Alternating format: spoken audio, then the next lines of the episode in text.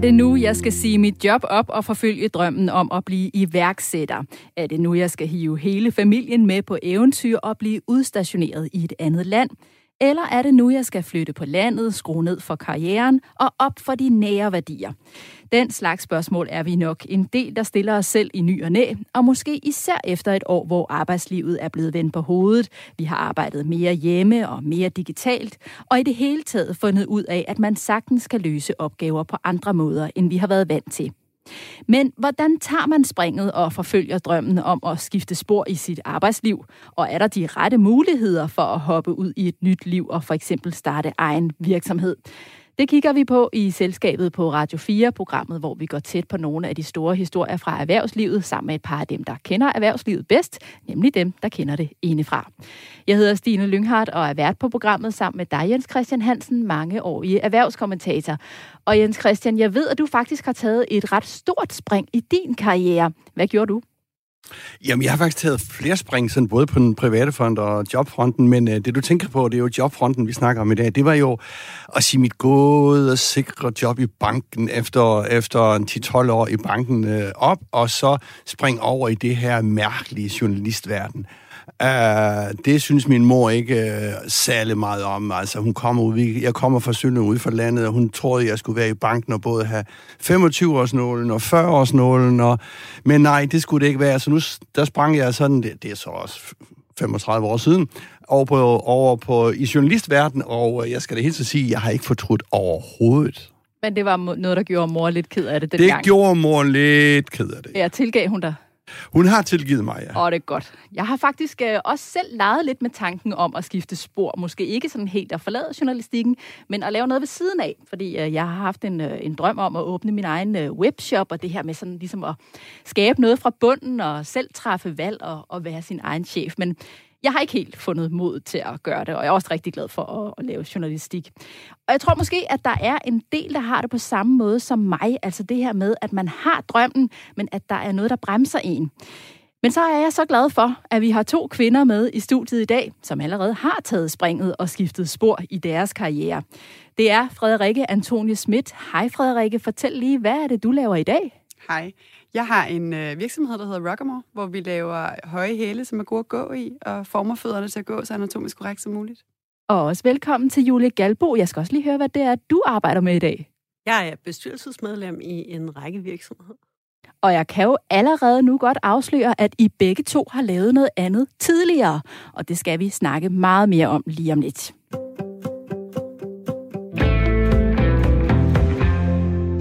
Men før vi tager hul på dagens emner, kunne jeg godt tænke mig at vende et par af ugens nyheder med jer. For jeg ved, at der er et par af overskrifterne, som I har bidt særlig mærke i. Skal vi starte hos dig, Jens Christian? Ja, altså, vi har jo snakket om klima. Klima er jo det, altså klimadebatten, den øh, kører, den har kørt, og den vil køre for fuld skrue fremover. Nu så jeg her øh, for nylig, at en forskergruppe på Aalborg Universitet, tror jeg, sammen med ingeniørerne i øh, Ingeniørforeningen IDA, har lavet sådan en, en, øh, en øh, beregning af, hvad det koster øh, at blive klimaneutral i 2045. Og øh, som bekendt har regeringen jo et mål om at skulle sænke øh, CO2-udslippet med 70 procent i 2030, så der er mange beregninger her. Og prisen for at blive klimaneutral, ifølge denne analysegruppe, den er 1200 milliarder kroner. Uh, så det er selvfølgelig et kæmpestort tal. Det vil sige, altså uh, bygninger, uh, det vil sige fly, uh, den del, uh, vi bruger på fly, det vil sige den uh, del, uh, som danskerne bruger på transport ind ud af landet. Altså et nul resulteret i 2045. Og det synes jeg jo er spændende, fordi det er jo en diskussion. Altså er det bare prisen, øh, vi snakker om nu? Øh, 1200 milliarder, det er meget svært at forholde sig til. Øh, men det kommer til at ske nu. Jeg så også her for nylig i samme boldgade en domstol i Holland havde pålagt en af verdens største oliefirmaer, Shell, øh, og, og, og, og skærpe deres reduktionsmål øh, for øh, CO2-udslip. Altså, pointen er sådan set bare, at der sker noget, der sker noget politisk, der sker noget sådan holdningsmæssigt selvfølgelig også øh, øh, på det her klima, men øh, Stine, det vender vi jo meget tilbage til øh, i andre programmer, er jeg helt sikker på. Det gør vi helt sikkert. Julia, er der noget, du øh, følger særligt med i lige for tiden? Jamen, øh, I sidste uge blev Trifork, hvor jeg er formand for bestyrelsen, børsnoteret. Vi begyndte at handle på Københavns Fondsbørs, og det fyldte selvfølgelig utrolig meget. I Prøv lige at riske ganske vores... kort op, hvad det er, Trifork er. Trifork er et øh, software-selskab stiftet øh, tilbage i 1995 af nogle dygtige unge mennesker, som, eller måske var de lidt yngre dengang, som gik på Aalborg Universitet, og som siden da har stille og roligt har bygget Trifork op til den virksomhed, der er i dag, med lidt over 800 ansatte. Og øh, mange, mange spændende produkter. Vi er blandt andet med til at lave coronapas, vi er med til at lave i gang med at lave en smart bygning, som formodentlig hen ad vejen kan blive øh, model for den måde, man bygger på, så det bliver så klimaneutralt som muligt. Vi arbejder på løsninger inden for cybersikkerhed. Vi arbejder på mange, mange spændende fronter, men fællesbetegnelsen, det er øh, next gen, det man kalder next gen software, så det nyeste. Må jeg lige spørge, er det stadigvæk stifterne, der styrer og ejer virksomheder? Nu har du selvfølgelig på børsen, så har du fået nye ejere det er klart. Men, ikke? men, men er, det stemme, er det stadigvæk stifterne? Fordi man ser jo tit, at så stifter man uh, et selskab, det kommer op i gear, det bliver uh, uh, nogle store virksomheder for øje på det og køber det, uh, og så er stifterne ude, og hvad så? Nej. Øh, der er nogle af de oprindelige stift, eller den oprindelige stifter, den oprindelige initiativtager, han er stadig ombord, han er CEO, og han er stadigvæk øh, den største aktionær. Så, så det er stifternes ånd? Der ligesom... Og der er, altså, det, det er en fascinerende virksomhed, når, når man som mig har en baggrund enten i det offentlige eller den finansielle sektor, fordi der er utrolig mange medarbejdere, som har været med utrolig mange år. Det giver en helt særlig ånd og en helt særlig kultur, og det er virkelig fedt at mærke. Frederikke, hvad har du øh, bidt mærke i i nyhedsbilledet? Ja, øh, nu skulle jeg jo finde på noget, der var spændende. Så øh, jeg tror, det, der var mest interessant den her uge, det var en virksomhed, som jeg ikke kendte særlig godt, som hed Illumi, som er et HR-software. Og grunden til, det er interessant, er, at der er ret mange, der spår det til at være Danmarks næste unicorn. Og det betyder, at det så er en virksomhed, der er mere end en, en milliard dollars værd i valuation. Og lige nu ligger de omkring 1,2 milliarder danske kroner i valuation de er der jo ikke endnu, de er på vej, men de har lige rejst øh, 355 millioner, tror jeg, jeg læste det var. Jeg synes alligevel, det var imponerende, at der var en virksomhed, som var så stor og så spændende, som jeg ikke havde hørt om, og som ikke var en del af det danske mediebillede, som vi ikke har snakket om øh, siden. Øh, og at det er øh, ærgerligt, og jeg synes, at vi skal have mere fokus på dem, som skaber øh, fede produkter, og som øh, skaber awareness til Danmark, og som formår at promovere os udad til. Så det må Hvad er det, dem. der fascinerer dig lige præcis ved den her historie? Jamen, lige her var jeg bare træt af, at jeg ikke vidste, hvem de var. Sådan helt lavpraktisk. Jeg øh, synes, jeg sætter en ære i at være ret god til at være opdateret på startup-nyheder, og specielt hvad der ligger inden for sådan iværksætteri i Danmark og i Norden og udenfor. Ikke? Øh, hvad, hvor ligger trendsene hen, og hvad er det for nogle virksomheder, der vokser hurtigt? Og når der så kommer en virksomhed, som bliver spået til at være den næste unicorn, og jeg ikke ved, hvem de er, så, så bliver jeg træt af mig selv, fordi jeg ikke har fundet ud af det, men jeg bliver også træt af medierne, fordi de ikke har snakket om det. Jeg kan ikke forstå, hvorfor den virksomhed ikke er spændende, hvorfor vi ikke må få at vide, hvad de laver og hvem de er, fordi helt tydeligt har de fat i noget af det rigtige. Er det en virksomhed, du kender, Julie? Ja, jeg har hørt om den. Og, men der er jo flere af dem. Øh, I Trifork var vi så heldige at være med til at stifte noget, der hedder Humio, som vi solgte vores andel af for nylig. Men Humio blev solgt for en øh, en cirka 400 millioner dollar til øh, en amerikansk virksomhed, som hedder CrowdStrike. Så, og det interessante ved den, det er, at den kommer også øh, drevet ud af det jyske muld, hvor vi i Danmark er så utrolig heldige at have nogle rigtig entreprenante og rigtig dygtige softwareudviklere. Altså, øh, jeg, jeg, altså, nu er jeg journalist, så jeg ser problemer og kritikpunkter alle steder. Nej, altså, jeg vil bare lige sige, det, vi er jo rigtig gode til at skabe de der virksomheder, sådan fra bunden, men det viser sig jo, når de bliver lidt store op i, i de størrelsesorden, som vi snakker om her, at bliver de i Danmark? Tager de til udlandet? Men det er jo derfor, vi skal snakke om dem, fordi ja, ja, de har ja, ikke, ja, ja, ikke der lægger mærke til dem. Jo, altså, øh, men det kan du måske også, Jule. Altså, øh, Trifork, øh, er, er, er I på vej til udlandet, eller, eller hvorfor bliver I Danmark, kan I også spørge om? Vi er i udlandet. Jo, jo, men, øh, men nu tænker jeg sådan hovedkontorsmæssigt, børsnoteringsmæssigt. Jamen, øh, børsnoter, altså vi er noteret nu i Københavns Fondsbørs, som er øh, på Københavns Fondsbørs. Øh, der har været overvejelser fremme om en eventuel listing på 6 i Schweiz. Øhm, det er ikke en beslutning, der er truffet endnu. Men det er en overvejelse. For jeg tror, jeg så engang øh, uh, 10 af de største nye virksomheder, hvor syv, uh, tror jeg, var ligesom havde uh, hovedkontoret eller børsnoteringsstedet, uh, og det er jo tit det, det trækker noget af arbejds, uh, hvad skal man sige, uh, kraften også uh, ud af landet, ikke? Så, det er rigtigt, så det, men på det er bare for at sætte øh, spot på et... Øh, et Hvis du gerne vil have danske eksportsucceser, så er man også nødt til at acceptere, at vi er nødt til at være til stede på andre markeder. Øhm, Trifork er til stede på en lang række europæiske markeder, og vi er også til stede både i USA og i Mellemøsten. Ja. Øhm, det er vi glade for. Det giver os inspiration, det giver udvikling, det skaber jo et arbejdspladser i alle de lande, vi er i. Det medfører skattebetaling både i Danmark og i andre lande. Og det giver os, altså, det giver os noget erfaring, som vi kan tage med hjem, ligesom vi kan tage nogle af de virkelig gode ting fra de løsninger, vi har bygget i Danmark, og bruge dem ja. i udlandet.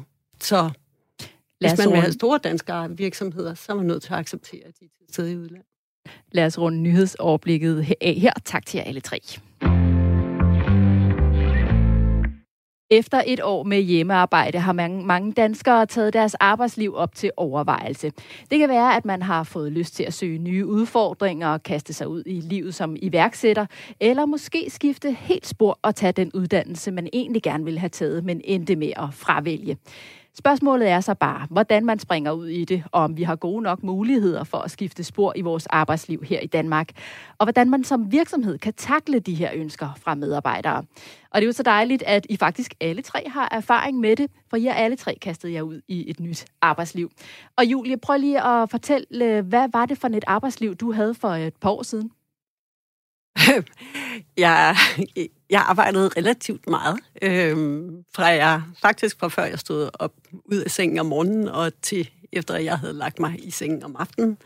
Der var, øh, der var mange år, hvor jeg arbejdede virkelig meget. Jeg ingen fridage, ikke meget tid til at lave andet end arbejde. Og det var fint. Øh, jeg var super glad for mit arbejde. Det har egentlig altid været, uanset om jeg har arbejdet i Finanstilsynet eller i Nordea eller i Økonomi- og Erhvervsministeriets departement. Jeg har trives med det. Det har været dejligt. Øhm, og jeg har haft fantastiske kolleger og fantastiske oplevelser i øh, de forskellige jobs, jeg har haft. Men hvorfor var det så, at der skulle ske noget nyt?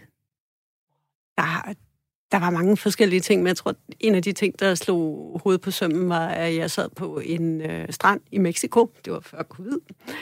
Og, øh, jeg brugt helt utrolig meget tid på min iPad. Jeg var på ferie med mine øh, børn. Jeg er jo jeg er skilt fra deres far, så jeg sætter meget stor pris på at være på ferie med mine børn. Og det, det irriterede mig, at jeg brugte temmelig lang tid på at øh, deltage i møder per telefon, mens jeg sad på den der vidunderlige strand i Mexico.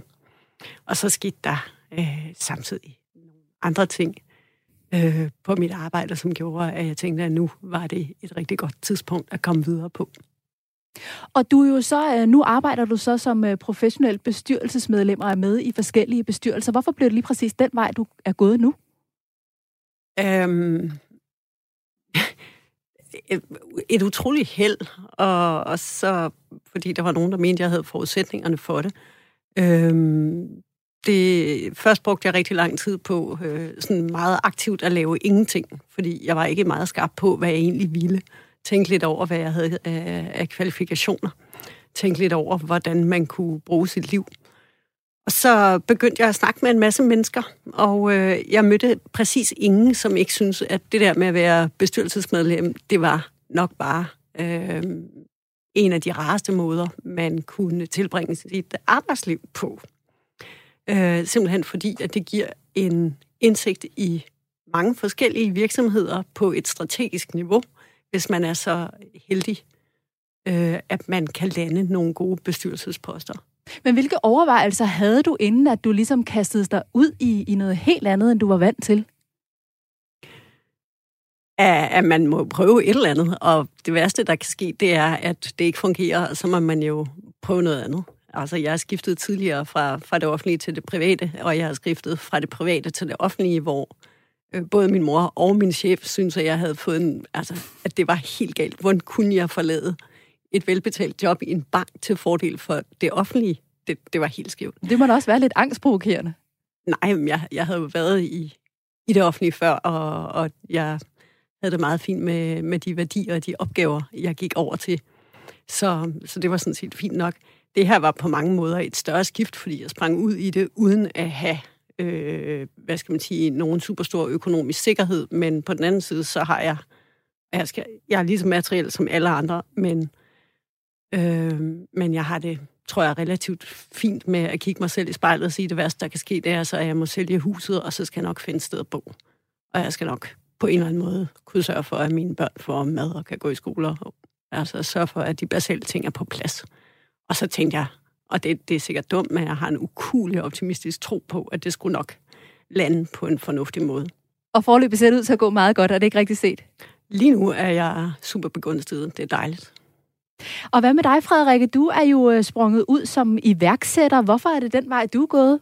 Mm, ja, først så vil jeg lige slå ned på ordvalget. Jeg er helt vildt øh, øh, ikke fan af, at vi siger springer. Så jeg har taget et skridt, og så tog jeg et mm. skridt mere, og så var jeg pludselig iværksætter. Hvorfor der var ikke noget spring springer? involveret. Fordi at det øh, ligger op til, at det er et farligt et ja. farligt skridt at tage, og det er svært, og det kræver enormt meget energi, og du skal også tage dig sammen og bygge op til det. Og, øhm, og det er ikke noget, man bare lige gør. Hvorimod jeg synes, det er noget, man bare lige gør. Så lad mig spørge dig på en anden måde. Hvorfor er du blevet iværksætter? Tak. Fordi jeg... Øh, fordi jeg kom... Nå, jamen altså, ord former jo folks meninger, så hvis ikke vi sådan i tale sætter, hvad det er, vi mener, der skal sige, så bliver det jo aldrig anderledes. Det er da en god pointe. Øhm, jeg kom hjem fra Italien. Jeg har boet i Italien i otte år og arbejdet som skodesigner for et, et hav af store firmaer og, og haft en fest med ligesom at, at lave deres linjer, øhm, både inden for sko og lidt inden for tasker. Og, øh, og har helt klart mest erfaring og har det sjovest i sko og havde store titler på mit CV og kom hjem til Danmark og havde en fornemmelse for, at så kunne jeg snilt få job i Danmark. Øhm, det kunne jeg så ikke. Og, øh, og så skulle der jo ske noget andet, fordi øh, jeg kunne øh, højst blive junior designer i, øh, i en virksomhed, der ikke designede selv, men kopierede, hvad de andre gjorde. Så det var sådan bogstaveligt talt at sidde og kigge på billeder af, hvad alt, alle de andre ellers havde lavet, og så kopiere det. Det var der ikke meget design i eller udvikling. Så jeg læste en marketingstopper bare for at lave noget andet, og øh, som afgangsprojekt, som, som bachelor, skrev jeg et projekt om, hvordan jeg ville bygge mit eget brand, hvordan jeg ville lave et skobrand i Danmark, som gik imod det, alle så havde brugt de sidste to år på at fortælle mig, siden jeg kom hjem fra Italien, som var, at ingen bruger mange penge på sko. Danskere kan ikke lide farver på sko. Man kan ikke finde på comfortable high heels. Øh, det findes ikke. Det er et oxymoron. Det har jeg hørt en billion gange. Og, øh, og man kan som enlig founder ikke øh, bygge en virksomhed, slet ikke som kvindelig enlig founder, fordi hvem skal kigge på tallene? Det bliver alt for farligt. Øhm, og så tog jeg et skridt og et skridt og et skridt, og så lige pludselig var jeg iværksætter, men de første to år af min karriere, tror jeg nærmere, at jeg var problemløser. Jeg havde ikke sat mig for at springe nogen som helst steder hen. Jeg havde lavet en Kickstarter-kampagne, og nu sad der en masse mennesker med en forventning om nogle sko. Så blev jeg jo nødt til at lave skoene. Da jeg så havde lavet skoene, så sad der en, for, en fabrik med en stor forventning om, at jeg skulle komme med en ny ordre, så blev jeg nødt til at lægge en ny ordre, så kom der sko, så blev jeg nødt til at sælge skoene. Og sådan gik det ligesom bare skridt efter skridt, indtil jeg begyndte at få en del medieopmærksomhed, og folk kaldte mig iværksætter. Og så kan jeg huske, at jeg havde sådan en samtale med mig selv, hvor sådan, okay, okay, fair nok, så er det nu, vi tager den. Så siger vi, at vi er iværksætter. Må jeg lige spørge dig øh, noget, Frederikke? Ja. Hvor mange Altså, det er jo mange, altså, vi er jo nogle, nogle af os, vi er jo så nogle, der skal være i trygge rammer. Hvor mange penge havde du med, da du ligesom gik i gang ikke da du sprang, men da du gik i gang, havde du lavet en opsparing? Havde du øh, aftalt med øh, familien og pantsæt huset? Øh, altså, der er mange måder at gøre det på, og det der penge betyder jo meget, når man skal starte. Mm, ja, yeah, det kan du sige. Jeg tror, jeg rundt regnet havde 2.000 kroner på min bankkonto, og ikke noget sted at bo, og var lige flyttet hjem til Danmark. Jeg havde ikke noget netværk, og ikke nogen venner, og jeg har en mor. Så det var sådan, det var der, der vi startede. Okay, okay, jamen så kan alt jo lade sig gøre. Jamen altså, ligesom Julie har jeg en, en meget sådan øh, fundamental tro på, at det skal nok gå. Mm-hmm. Og så mhm. har jeg boet i mange lande i verden og set, hvordan det ser ud, når man ikke har et social security system, som vi har. Og, øh, og sådan med omvendt foretegn lært, at vi kan jo alt heroppe. Om ikke andet kan du i hvert fald alt i to år. Og i gamle dage var det jo fire år, ikke? Men i to år kan du alt, og går det helt af helvedes til, så kan du groft sagt altid få et job et eller andet sted. Så kan det godt være, at det ikke var det, du var uddannet til. Det kan også være, at det mor ikke bliver gladest for. Men i Danmark er der jobs til dem, der gerne vil have den, inden for en eller anden branche, indtil du kommer højt nok op, eller får løftet dig langt nok, til at du kan noget andet. Så, så jeg kan ikke se det der, sådan the end of the world. Jeg har øh, været bartender i åndssvage lande og mærkelige barer, siden jeg var 15. Altså, det er sådan noget, man altid kan få job som, for eksempel, fordi man, der er ikke nogen, der gider arbejde til kl. 6 om morgenen. Jens Christian, er Julie og Frederikkes historier, er de øh, typiske eller atypiske? Ah, jamen, jeg tror, de er lidt øh, atypiske stadigvæk, men det kan godt være, at de ikke er så atypiske fremover. Altså det der, som jeg snakker om i starten med øh, guld- og sølvnålen, 25 år i en samme virksomhed, 40 år i en samme virksomhed i bankverdenen, som du også kommer fra, Julie. Der var det ikke usædvanligt før siden, at du havde 40 års jubilæer. Uh, det tror jeg altså ikke, vi ser så meget uh, uh, uh, af fremme. Og så ser man vel også en tendens ved, at flere og flere måske bliver selvstændige, altså starter deres egen lille virksomhed og leger sig ud. Altså det er jo faktisk en form for daglejer, som vi kendte i gamle dage. Det kan være konsulentopgaver, det kan være øh, mange forskellige opgaver. Så jeg tror, at arbejdsmarkedet vil øh, ændre sig. Om vi så kommer flere iværksættere, sådan antalsmæssigt, det ved jeg ikke helt, men jeg tror, vi vil se et øh, skift i, øh, i arbejdsmarkedets øh, sammensætning helt klart over de næste år. Synes I, at øh, mulighederne for at lave det her sporskifte i sit arbejdsliv, er de gode nok, som de er i Danmark? Skal vi starte hos dig, Julie? Ja. Som det blev sagt lige før, så, så har vi et socialt sikkerhedsnet, som er unikt. Det giver ganske gode muligheder for at skifte spor, så jeg tror mere, det handler om personlighed og, og vilje og lyst til at skifte spor, end det handler om mulighederne til stede. Mulighederne er der, hvis viljen er der. Og nærmiljø, ikke? For hvis du har en familie, der siger, at du er helt åndssvag, eller en kæreste, der siger, at det får du aldrig lov til det der, eller det kan du ikke lykkes med, eller det er, det, det er du ikke Kunne god man nok få til. en ny kæreste? Jamen, det kunne man, men det er bare sådan, hvis man har et, et, øh, et nærmiljø, som ikke tror på, at man kan gå i den retning, så synes jeg, der er mange, der lader sig farvet af, Nå, så kan jeg nok ikke. Jamen bestemt, men, men det der personlighed kommer ind. Ikke? Der er nogen, der har et større behov for tryghed og for at være sikker på, at alle er glade og tilfredse og komfortable, Ja. før de kaster sig ud i. Altså, jeg har det der behov, men min kæreste var enormt god til at sige sådan, ej, kom nu, et skridt mere, det kan du godt. Så i stedet for sådan at kigge på, jeg kan ikke finde ud af at se tre år frem i tiden, for så bliver jeg alt for bange. Det er alt for stort, og vi skal have fem butikker på otte markeder, og uh, det er farligt. Men jeg kan godt lige overskue, at vi skal til Norge næste gang. Så jeg har altid sådan bygget det op på den der meget sådan rolige måde, hvor det bliver ikke for farligt. Men det er jo fordi, jeg har haft en, der synes, at det var fantastisk. Mm. Så jeg tror virkelig også, at det er i hvert fald vigtigt i den her diskussion, at man lige tager et øjeblik og kigger på, hvem har du omkring dig, og så finder nogen, der støtter dig, hvis du gerne vil noget. Og så er det ikke, fordi du behøver at skifte kæreste, men hvis han nu ikke var fan, så kunne du måske finde støtten i din bedste veninde, eller en mentor, eller nogen, som har gjort det før, men i hvert fald finder den der støtte, for det er meget svært at gøre alting alene. Men er det også noget, vi som samfund øh, kan og skal bakke op om, at der er nogen, der måske går med en drøm, men som ikke rigtig tør at tage det her skifte? Altså, hvis du spørger mig, så ja. Øh, hvis, du Hvordan? kigger, jamen, hvis du kigger på de sidste... Øhm, nu har jeg glemt tallene, jeg plejede at kunne dem udenad, men hvis du kigger på de sidste cirka 12 år, så ligger der omkring 10 af de her unicorns, som er de her virksomheder, der er mere end en billion dollars i valuation. Det vil sige, de er monster mange penge værd. De er flyttet ud af Danmark, og en ting er, at der er nogle arbejdspladser, der er flyttet, men det, der interesserer mig, er, at, at størstedelen af dem, der er flyttet, er flyttet på grund af manglende muligheder. Så enten kunne de ikke finde kapital, eller de kunne ikke finde talent, eller de kunne simpelthen bare ikke blive større, de kunne ikke vækste, de kunne ikke få kunder. Så de muligheder, der var behov for, at de havde, fandt de ikke i Danmark. Så jeg synes så absolut, at vi taber, når vi har ja, 10 store virksomheder uden for Danmark, og der er en brøkdel af dem, der overhovedet har aktiviteter her. Vi burde være bedre til at fagne det. Men det virker som om, at I alle tre er glade for det skifte, som øh, I har taget. Øh, hvordan har I det med det valg i dag? Bare ganske kort, Julie. Jamen, jeg har det super godt med det, men, men jeg tror også, at jeg er skruet sådan sammen, at hvis jeg ikke havde haft det super godt med det, så havde jeg bare så havde jeg fundet på noget nyt, så havde jeg lavet noget andet, og så havde jeg formentlig haft det øh, okay med det. Hvad siger du, Frederik? Ja, der var for nylig en veninde, der fortalte mig, øh, at nu er jeg jo unemployable. så hun håbede, jeg var glad for at være der, hvor jeg var, for der var aldrig nogen, der vil ansætte mig igen. Fordi når man har været iværksætter, så bliver man så meget sin egen chef, at der ikke er andre, der kan kontrollere dig. Øh, det skal jeg lige bruge nogle uger på at tænke over, fordi jeg var rigtig glad, indtil hun sagde det. Og hvad med dig, Jens Christian? Du virker også meget glad her bag mikrofonen, synes jeg. Ja, men det synes jeg øh, også, øh, jeg er. Altså, jeg har, jeg har sådan indrettet, eller jeg har besluttet, at jeg fortryder ikke noget. At jeg kan godt være øh, erkende, at det er, jeg har taget en forkert beslutning, men jeg fortryder ikke noget, fordi det har jo været med til at øh, gøre, gøre den til den, jeg er. Så jeg tror bare, det, altså, man kan øh, komme langt hen ad vejen ved at tage nogle valg her i livet. Så vi konkluderer altså her i panelet, at her er det gået godt at øh, springe ud i det, selvom du ikke har meget for, jeg siger sådan, Frederik. Men gå den vej, hvis du har drømmen, og det er selvfølgelig rent personligt er en mulighed for dig at forfølge drømmen. Tak til jer alle tre.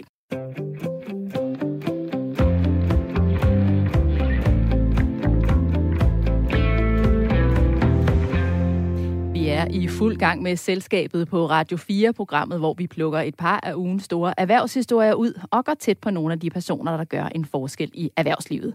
Jeg hedder Stine Lynghardt, og ved siden af mig har jeg min medvært, erhvervskommentator Jens Christian Hansen. Og vores gæster i dag er Frederikke Antonie Schmidt, stifter og direktør i Rockamore Shoes, og Julie Galbo, professionelt bestyrelsesmedlem. Det har længe været en udfordring, at store internationale virksomheder opretter lokale afdelinger i lande, hvor de kan nøjes med at betale en lav selskabsskat.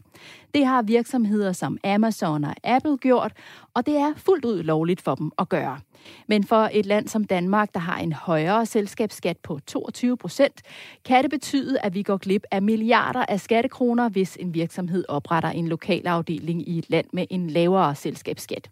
For så bliver de beskattet der i stedet for i Danmark. Og det kan virksomheden altså sagtens gøre, selvom den reelt set har tjent sine penge her i Danmark. Det vil syv lande nu lave om på. Det er de syv store industrinationer, USA, Tyskland, Storbritannien, Kanada, Frankrig, Italien og Japan. De har netop lavet en aftale om en global minimumsselskabsskat på 15 procent, for at gøre vilkårene mere fair for alle. Og samtidig skal det sikres, at skatten betales de steder, hvor virksomhederne opererer. Jens Christian, hvordan er det nu lige, det er med den her selskabsskat? Prøv lige at forklare lidt mere om, hvad det er. Ja, altså skat er jo et kæmpemæssigt, øh, det er jo et kæmpestort issue i alle virksomheder, uanset om du er en dansk virksomhed eller en international virksomhed.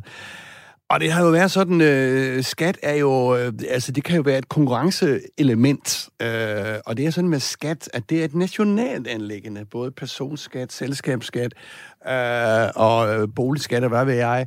Øh, det er et nationalt anlæggende, men konkurrence, øh, det er jo et EU-anlæggende. Så der er nogle gange øh, det clasher der, fordi hvis Irland sætter skatten ned til 0, eller 0,01, eller hvad de sætter skatten, uh, selskabsskatten ned til, jamen, så er det jo svært for andre lande, der har en selskabsskat på 20 uh, øh, procent at, at konkurrere. Og nu er disse store øh, ledende lande, som står for 50 procent af verdens uh, jo blevet enige om noget, men derfra til at gennemføre det og få det indført i nogle regel, øh, øh, øh, det kan du fortælle, måske øh, fortælle mere om, Julie. Der er nok lang vej, fordi de skal være enige på alle parametre her, og øh, jeg tror kun, vi lige er startet på det her, men for lige at, at sige, hvor meget skat er. Tidligere var skat, eller skat er jo en omkostning for en virksomhed, og den omkostning skal ned. Men øh, på det seneste år, så er skat også blevet et etisk, øh, hvad skal man sige, et etisk øh, samfundsansvarslæggende. Så du kan ikke bare sådan, øh, hvad skal man sige, øh, betale skat efter reglerne. Du skal også betale skat noget hen ad vejen efter et moralsk anlæggende, etisk anlæggende i nogle lande. Det kan vi måske vende tilbage til. Det er meget, meget svært. Det bliver meget diffus, så jo. Men det er jo der, det opstår, øh, hvad skal man sige, disse, disse, disse ting med, at øh, hvor skal du betale skat, og hvor meget skal du betale? Og nu er det jo så G7-landene, som er blevet enige om en aftale, og det bliver også kaldt en historisk aftale. Hvad tænker du om den, Julie? Jamen, jeg synes, det er super positivt. Så hvis vi kan komme hvis vi kan få det implementeret, så, så slipper vi alle sammen for en masse bøvl. Øh, det er dejligt, og, og jeg synes, at nu nævnte du Margrethe Vestager, hun har været, altså noget af det, hun har gjort på skattefronten, for at skabe en mere en bedre, en mere fair konkurrence i Europa. Det, det har været helt fantastisk. Det kan hun kun være glad for. Man skal Fordi... måske lige sige, hvad den handler om. Den handler jo om at Margrethe Vestager, vores tidligere... Øh, hvad var hun? Hun var vel økonomiminister, indrigsminister og erhvervsminister, hvad hun var. Hun har jo været EU-kommissær, øh, og EU har taget nogle gevaldige slagsmål med de helt store virksomheder, fordi øh, hun har konkurrenceområdet, og hun mener jo, at når Irland sætter skatten ned til de der 0,01, eller hvad det nu er, og Apple for eksempel flytter en stor del af sin virksomhed til England, øh, undskyld, til Irland, jamen så er det øh, konkurrenceforvridende.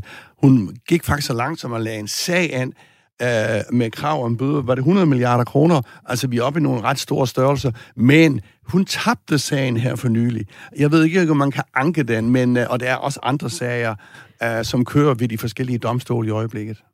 Men øh, hvad, hvad batter sådan en aftale overhovedet? Altså, fordi er det ikke noget, der kun dur, hvis man ligesom har alle lande med?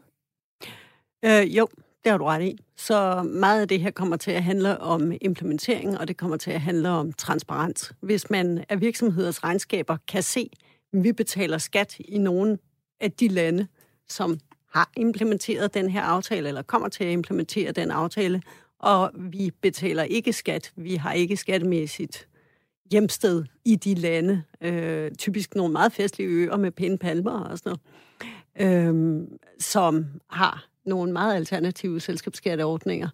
Så, så slipper man som virksomhed for mistænkeliggørelse. Så det er en positiv ting. En anden positiv ting er, at det forhåbentlig kan medvirke til, at øh, interessenter hos for eksempel Google og Amazon, deres investorer eller deres kunder, presser på for at sørge for, at alle øh, sørger for at betale skat et sted, der øh, er reguleret efter den her aftale. Men, men, men Julie, kan man lave en, en, en regel her, eller, og, og, og hvem skal sanktionere det, hvis man ikke følger det? Er det, er det øh, verdensorganisation WTO, eller hvor ligger man det hen sådan noget? Det er rigtig, rigtig svært, øh, fordi det er jo stadigvæk, som du selv er inde på, et nationalt anlæggende, så så der er ikke så meget at sanktionere lige i øjeblikket. Så det skal, det skal være forbrugerne og kunderne? Men, men derudover, hvis du bare kan gå så langt som til at skabe transparens og sige, at det er faktisk kun okay, hvis du sørger for som virksomhed at betale selskabsskat i de lande, der implementerer det her, så du ikke snyder dig udenom, så du ikke bruger de der huller. Og ellers vil vi som aktionærer, der er jo mange store øh, asset managers for eksempel, mange pensionsselskaber, mange store fonde, som kigger på, om deres investeringer opfører sig etisk korrekt. Og der kan man sige, der hjælper sådan en aftale, fordi det kan lynhurtigt blive et parameter at sige, at vi vil kun investere i Rockamore, hvis Rockamore sørger for at betale skat i Danmark og de andre lande, hvor Rockamore har aktiviteter, og de lande i øvrigt er reguleret efter den her aftale, eller har implementeret den her aftale. Frederikke, nu har du jo så en øh, virksomhed. Hvad tænker Som du... Som betaler øh, skat. Øh, ja. hvad hvorhen? ja, hvorhen? mm. Hvor tænk, øh, hvad, hvad, hvad tænker du, at, øh, at sådan en aftale her kan betyde for dig som virksomhedsejer? Hmm. Altså, jeg, jeg tror nok, for mig giver den mest værdi på et ret lavpraktisk niveau, fordi min virksomhed er lille, og min branche er ikke sådan en winner-takes-it-all-branche. Der er jo mange, der sælger sko, og det er ikke så vigtigt, hvor mange det er. Det handler om, hvor godt produktet er, og hvad vores tilgang til kunderne er. Men hvis du nu hiver det over på et niveau som Amazon, altså bøger, som jo var deres core business til at starte med, og så kigger ind i Italien. Nu boede jeg der, og jeg oplevede det, så det her ske. Men, øh, men jeg tror, det er en ret kendt case, at da de rykkede ind i Italien, så opkøbte de rettighederne til alle studiebøger. Det vil sige, alle børn og alle unge, der skulle på universitetet eller i skoler, alle deres fagbøger, dem opkøbte Amazon rettighederne til. Dermed var der ingen af de små øh, virksomheder og øh, boghandlere i alle byerne, som nu kunne sælge de her bøger. Og det betød, at man man fra den ene dag til den anden, altså sådan øh, fuldstændig disrupted et forbrugermønster, hvor man går ned til en lokal og køber sine bøger hos en eller anden. Så skulle man nu gå på Amazon, man var simpelthen tvunget, fordi man skal jo have de der studiebøger til sine børn. Og så blev de market leader ret hurtigt, og så overtog de hele markedet, og så er alle de andre gået konkurs i mellemtiden. Så den måde at udfordre et marked på, og sådan bullige sig ind på det, og så bare tage det med magt, som jo var det, de gjorde, det er jo ret ekstremt, og selvfølgelig muligt at, på grund af mange ting, men en af dem er der også, at de har lige pludselig mellem 15 og 22 procent mere kapital, end de virksomheder, der eksisterer på markedet, har. For de skal jo betale virksomhedsskat. Jens Christian, jeg kunne godt lige tænke mig at spørge dig, øh, hvad den her aftale vil betyde for os i Danmark. Fordi nu startede jeg med at sige det her med, at, at vi kan risikere at være gået glip af milliarder af skattekroner. Vil det så være nogle penge, vi vil se fremover med sådan en type afle- ja, men aftale? Det, ja, men det er jo et øh, super godt spørgsmål, fordi man kan sige, er det noget, der, øh, der diskuteres øh, op i nogle højere luftlag, ret ligegyldigt for os almindelige forbrugere, og er det ikke i øvrigt så kompliceret, så det gider jeg ikke beskæftige med. Men det betyder rigtig meget.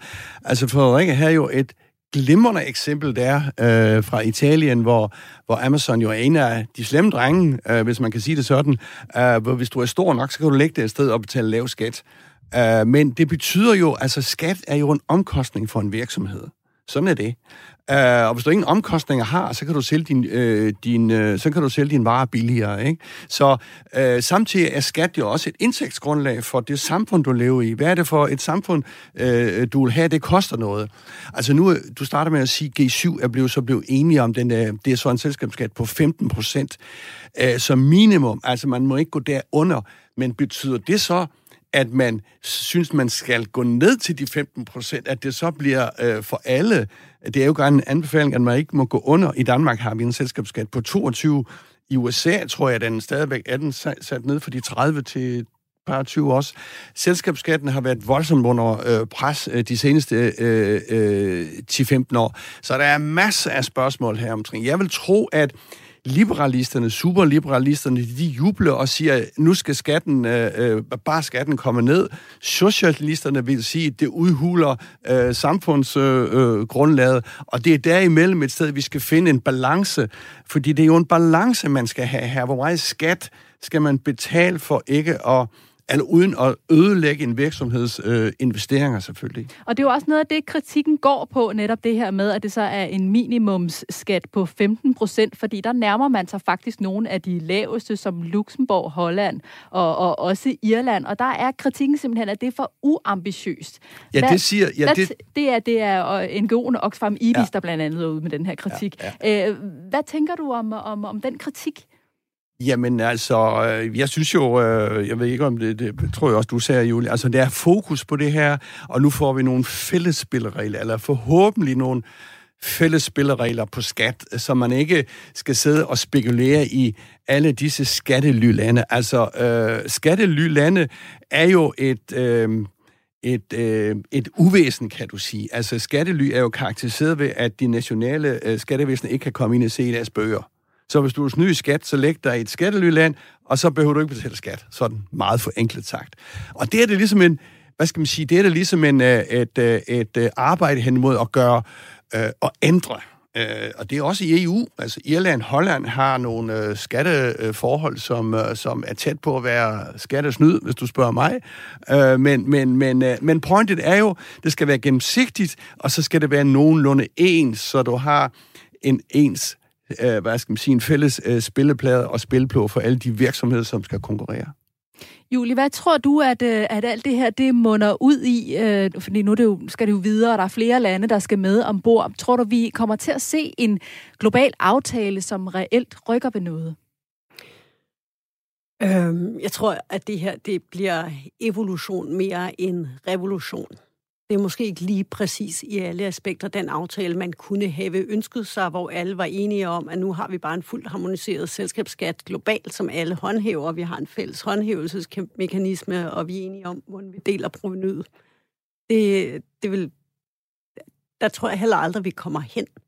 Men bare det, at vi flytter os på det her område, og vi får skabt større transparens om det, betyder, at en masse virksomheder, som har medarbejdere i Danmark, øh, den, den kommer den til gavn og glæde, simpelthen fordi, at de formentlig ser ind i en verden, hvor de vinder lidt flere ordre, fordi de skal ikke på samme måde konkurrere med selskaber, som ikke har den omkostning, som skat udgør.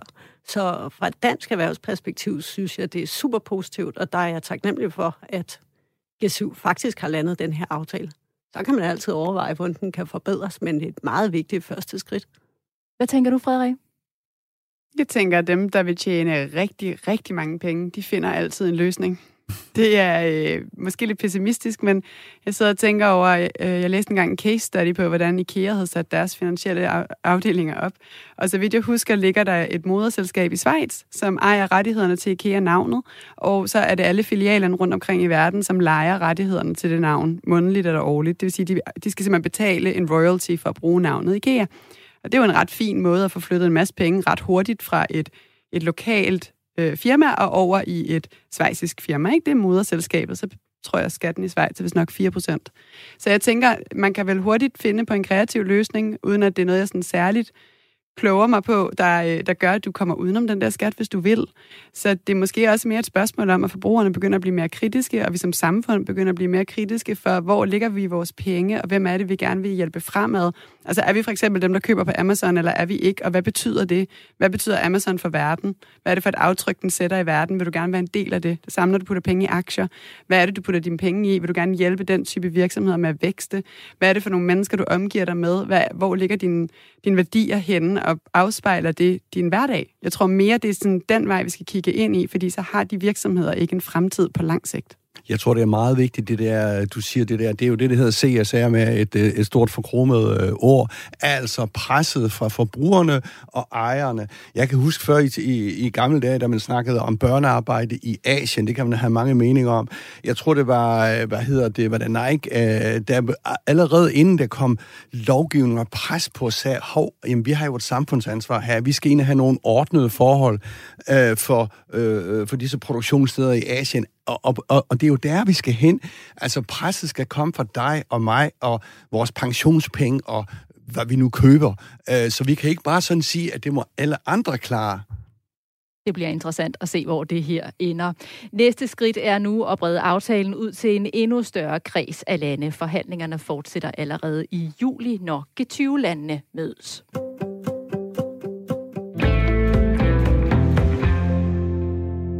Nu skal vi til ugens erhvervsprofil, og som øh, jeg nævnte lidt tidligere, så er det en, som ifølge dig, Jens Christian, som har det sværeste job overhovedet lige nu.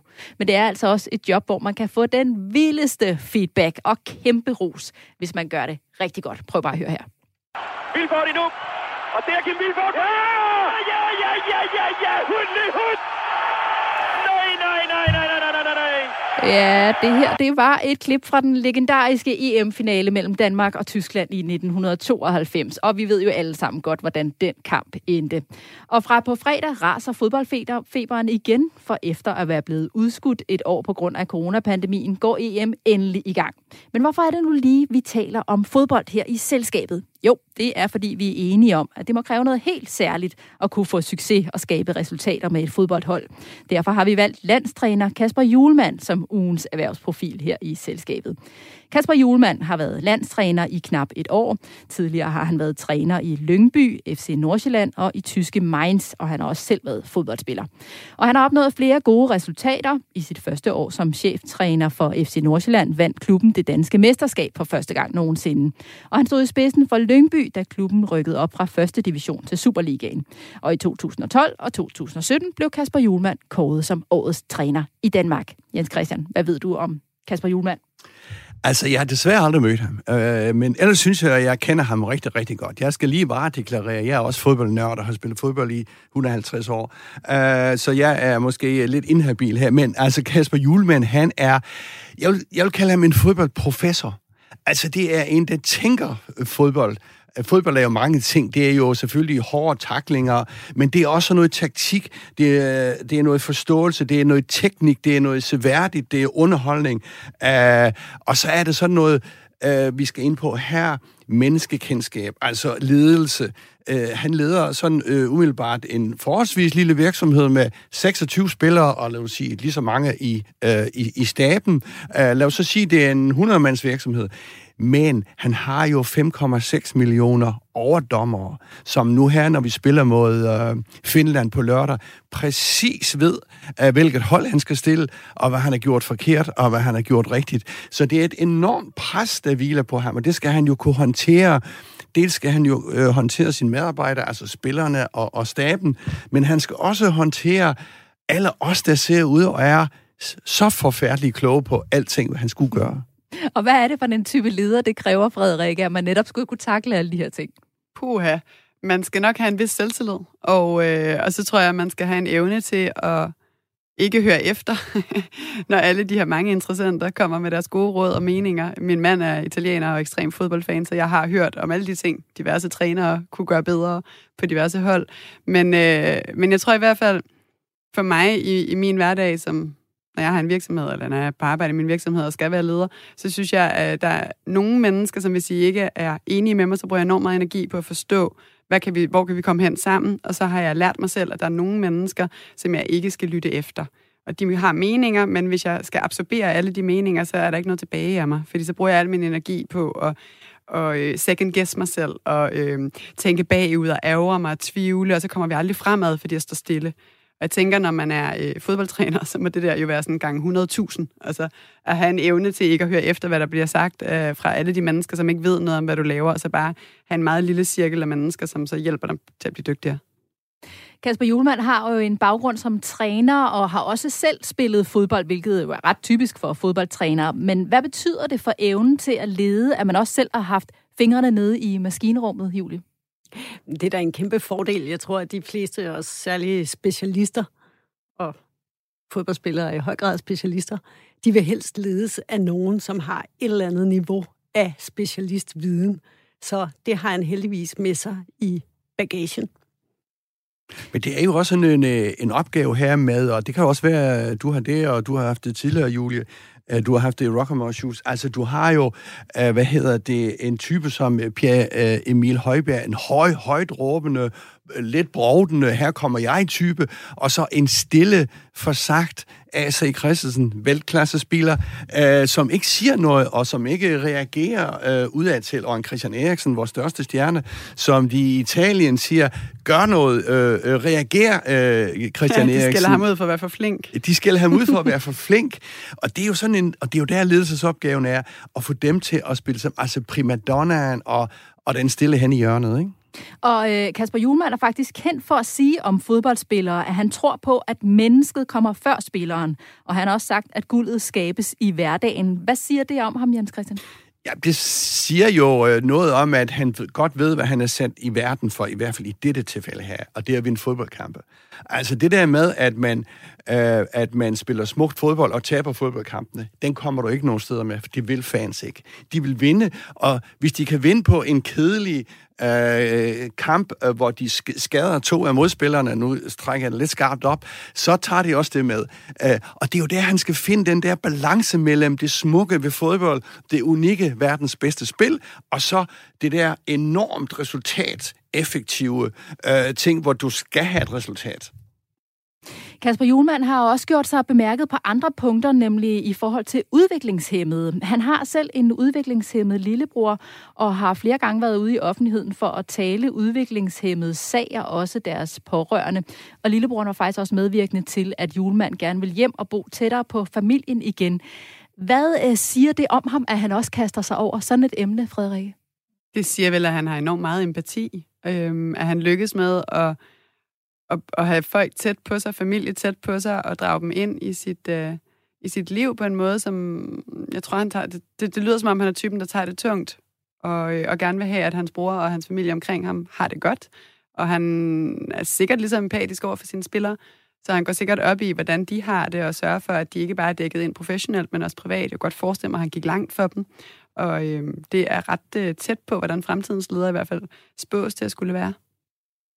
Tror I, at øh, Kasper Julemand er manden, der kan føre os til sejr, sådan som Richard Møller Nielsen gjorde det i 1992? Hvad siger du, Julie? Det håber jeg. det var et kort, klart svar. Sådan, hvad siger du, Jens Christian? Nej, selvfølgelig kan, øh, kan vi ikke vinde Europamesterskabet, og det siger jeg selvfølgelig Ej, kun, fordi... Hvorfor ikke? Nej, nej, nej, nej, prøv at høre.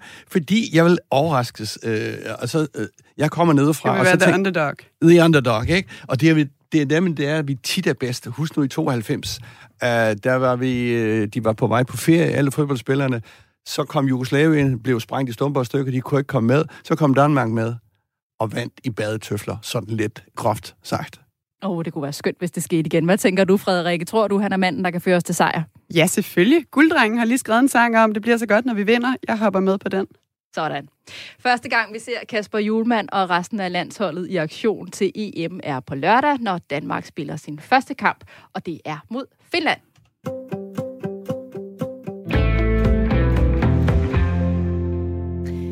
Vi skal lige nå en lille quiz her til sidst, for vi danskere er faktisk netop blevet kåret som europamestre i noget andet end fodbold. Ja, det vidste I måske ikke lige. Men her i Danmark kan vi godt trække på smilebåndet og løfte pokalen. Vi danskere har simpelthen vundet guld på et bestemt punkt, på trods af, at vi igennem halvandet år har været igennem en coronapandemi. I dette europamesterskab, som I om lidt skal gætte, hvad er, slår vi klart lande som Grækenland og Kroatien, og også Sverige og Tyskland. Men hvad er det, vi er europamester i? Jeg kan give jer et lille hint og sige, at det er noget, vi danskere er meget optimistiske omkring, på trods af coronapandemien. Men hvad er det, vi er så optimistiske omkring?